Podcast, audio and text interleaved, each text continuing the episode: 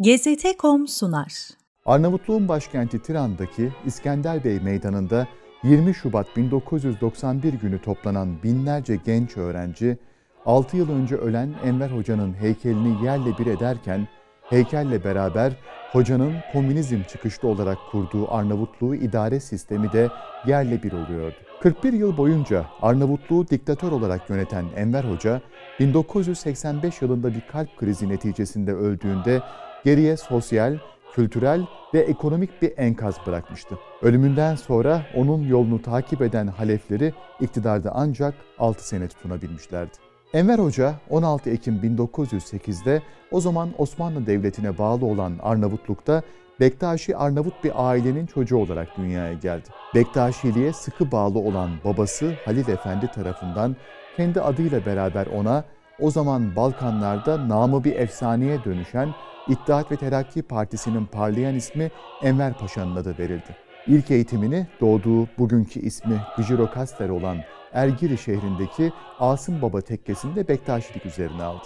Korça Fransız Lisesi'nde eğitimine devam ederken 16 yaşında katıldığı bir miting nedeniyle hapse atıldı. Arnavutluk o günlerde İtalya destekli özgün bir kral olan Galatasaray Lisesi mezunu Ahmet Zogo tarafından yönetiliyordu. Enver Hoca kısa bir süre hapiste kaldıktan sonra 1930 yılında yüksek eğitim için Fransa'ya gitti. Lisede altyapısını edindiği komünizmi Fransa'da iyice benimsedi. Paris'te çeşitli komünist yayın organlarında ülkesi hakkında ve Ahmet Zogo'nun idaresi aleyhinde yazılar yayınladı. Fransa'da Arnavutluk Devleti tarafından burslu olarak okutulan Enver Hoca'nın bursu yazdığı yazılar sebebiyle kesildi. Geçim sıkıntısı nedeniyle bir sürede Belçika'da eğitimine devam eden ve Arnavutluk konsolosluğunda çalışan hoca, Zogo'nun ajanlarının baskısıyla Arnavutluğa dönmek zorunda kaldı. Enver Halil 1936 yılında Arnavutluk'ta Fransızca öğretmenliğine başladı. O bu görevdeyken 1939 yılında Mussolini yönetimindeki İtalya, Arnavutluk idaresinin askeri ve ekonomik borçlarını bahane ederek 100 bin kişilik bir orduyla Arnavutluğu fiilen işgal etti ve Kral Ahmet Zogo'yu sürgüne gönderdi. İşgalden sonra hoca, öğrencileri arasında komünizmi yaydığı gerekçesiyle öğretmenlikten uzaklaştırıldı. İşsiz kalan Enver Halil, Tiran'da bir tütün dükkanı açtı. Bu dükkan bir süre sonra İtalya işgaline tepki gösteren komünist militanların toplantı yerine dönüştü. Nazi Almanyası'nın Sovyet Sosyalist Cumhuriyetler Birliği'ne savaş açmasıyla harekete geçen 130 kişi 8 Kasım 1941'de Arnavutluk'taki komünist unsurların büyük bir kısmını birleştirerek Arnavutluk Emek Partisi'ni kurdu. Parti Genel Sekreterliğine bu görevi ölene dek yürütecek olan Enver Hoca seçildi. Partinin kurulmasıyla beraber faşizmi benimseyen İtalya işgaline karşı ciddi bir direniş başladı. Enver Hoca yönetimindeki partizan denilen Sovyet Sosyalist Cumhuriyetler Birliği'nde ve Yugoslavya'da da benzerleri olan halk destekli düzensiz birlikler bu direnişin ana unsuruydu. Emek Partisi'nin ve ona bağlı olarak hareket eden partizanların ülke içinde de işgal yanlısı gruplar, sabık kral Ahmet Zogo'yu geri getirmek isteyen meşrutiyetçiler ve muhalif komünistlerle başı dertteydi. 1943 yılında İkinci Dünya Savaşı çerçevesinde müttefikler grubu İtalya'yı işgal etti ve İtalya'da faşizm idaresi çöktü. Partizan birlikleri bunu fırsat bilerek İtalya'yı Arnavutluk'tan çıkardı. Müttefik devletlerin Balkanlardan çıkarma yapmasından çekinen Almanya, partizan birliklerini dağlara çekilmeye zorlayarak Arnavutluğu işgal etti. Yerel işbirlikçilerle beraber hareket eden Almanlar Arnavutluk'ta geçici bir hükümet kurdular. 1944 yılında Arnavutluk Emek Partisi himayesinde bir kongre toplandı ve kongrede 13 kişilik bir ulusal kurtuluş komitesi kuruldu. Komite işgalden kurtarılan şehirleri idare edecekti. Komite başkanlığına ve bir süre sonra düzenli orduya dönüşecek partizanların komutanlığına Enver Hoca seçildi.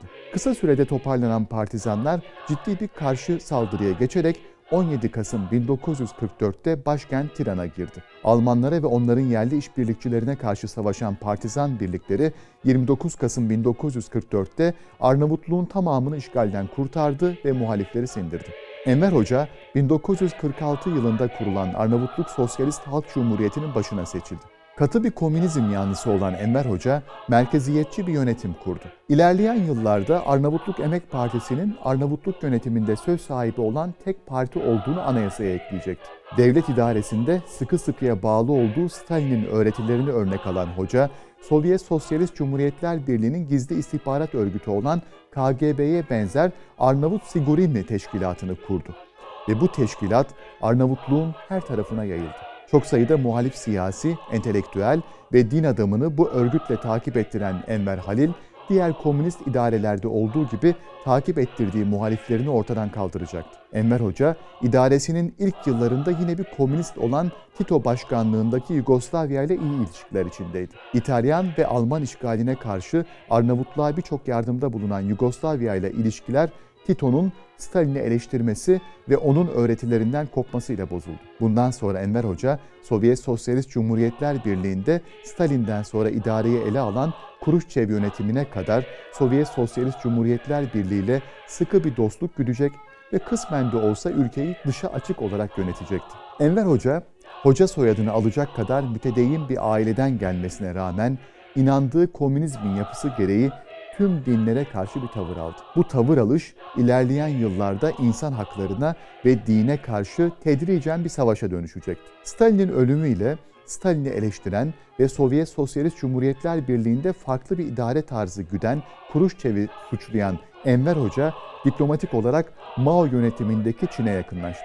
Çin'deki kültür devriminin bir benzerini Arnavutluk'ta uygulamak isteyen Enver Halil, 1967 yılında çıkan anayasayla Arnavutluğun ateizmi benimsediğini ilan etti. Birçok Ortodoks ve Katolik rahip ve Müslüman din adamı çeşitli nedenlerle öldürüldü, hapsedildi ve taş ocaklarında çalıştırıldı. Dini kurumların hepsi yasaklanarak mal varlıklarına el konuldu.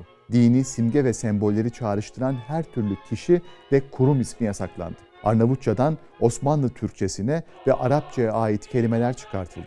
Cami ve kiliseler yakılarak ve yıkılarak ortadan kaldırıldı. Geride kalanları depo, spor salonu, kültür merkezi ve ahır olarak kullanıldı. Özellikle Tiran'da bulunan Ethem Bey Camii dinsizlik müzesi yapıldı. Ramazan orucu, cemaatle namaz ve dini bayram kutlamaları engellendi. Hatta Müslümanların sünnet olmalarına dahi müdahale edildi. Okullarda dinsizlik propagandası yapıldı ve Albanizm denilen Arnavut milliyetçiliği temelli fikir akımı aşılanmaya çalışıldı.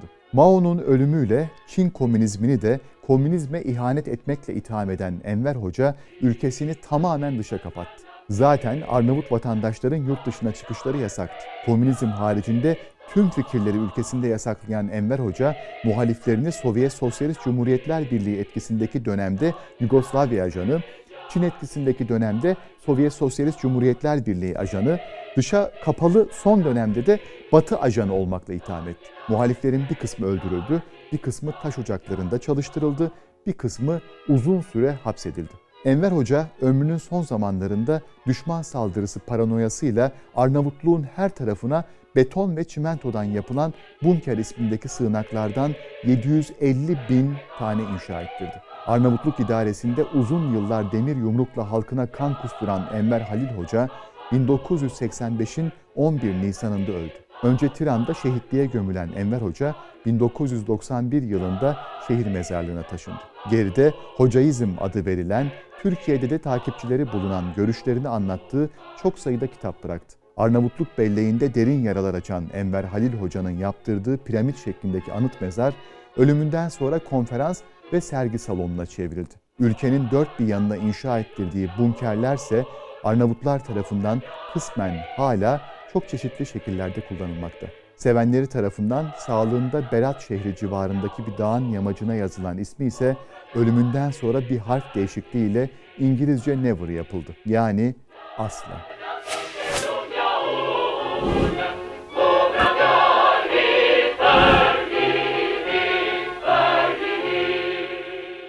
GZT.com sundu.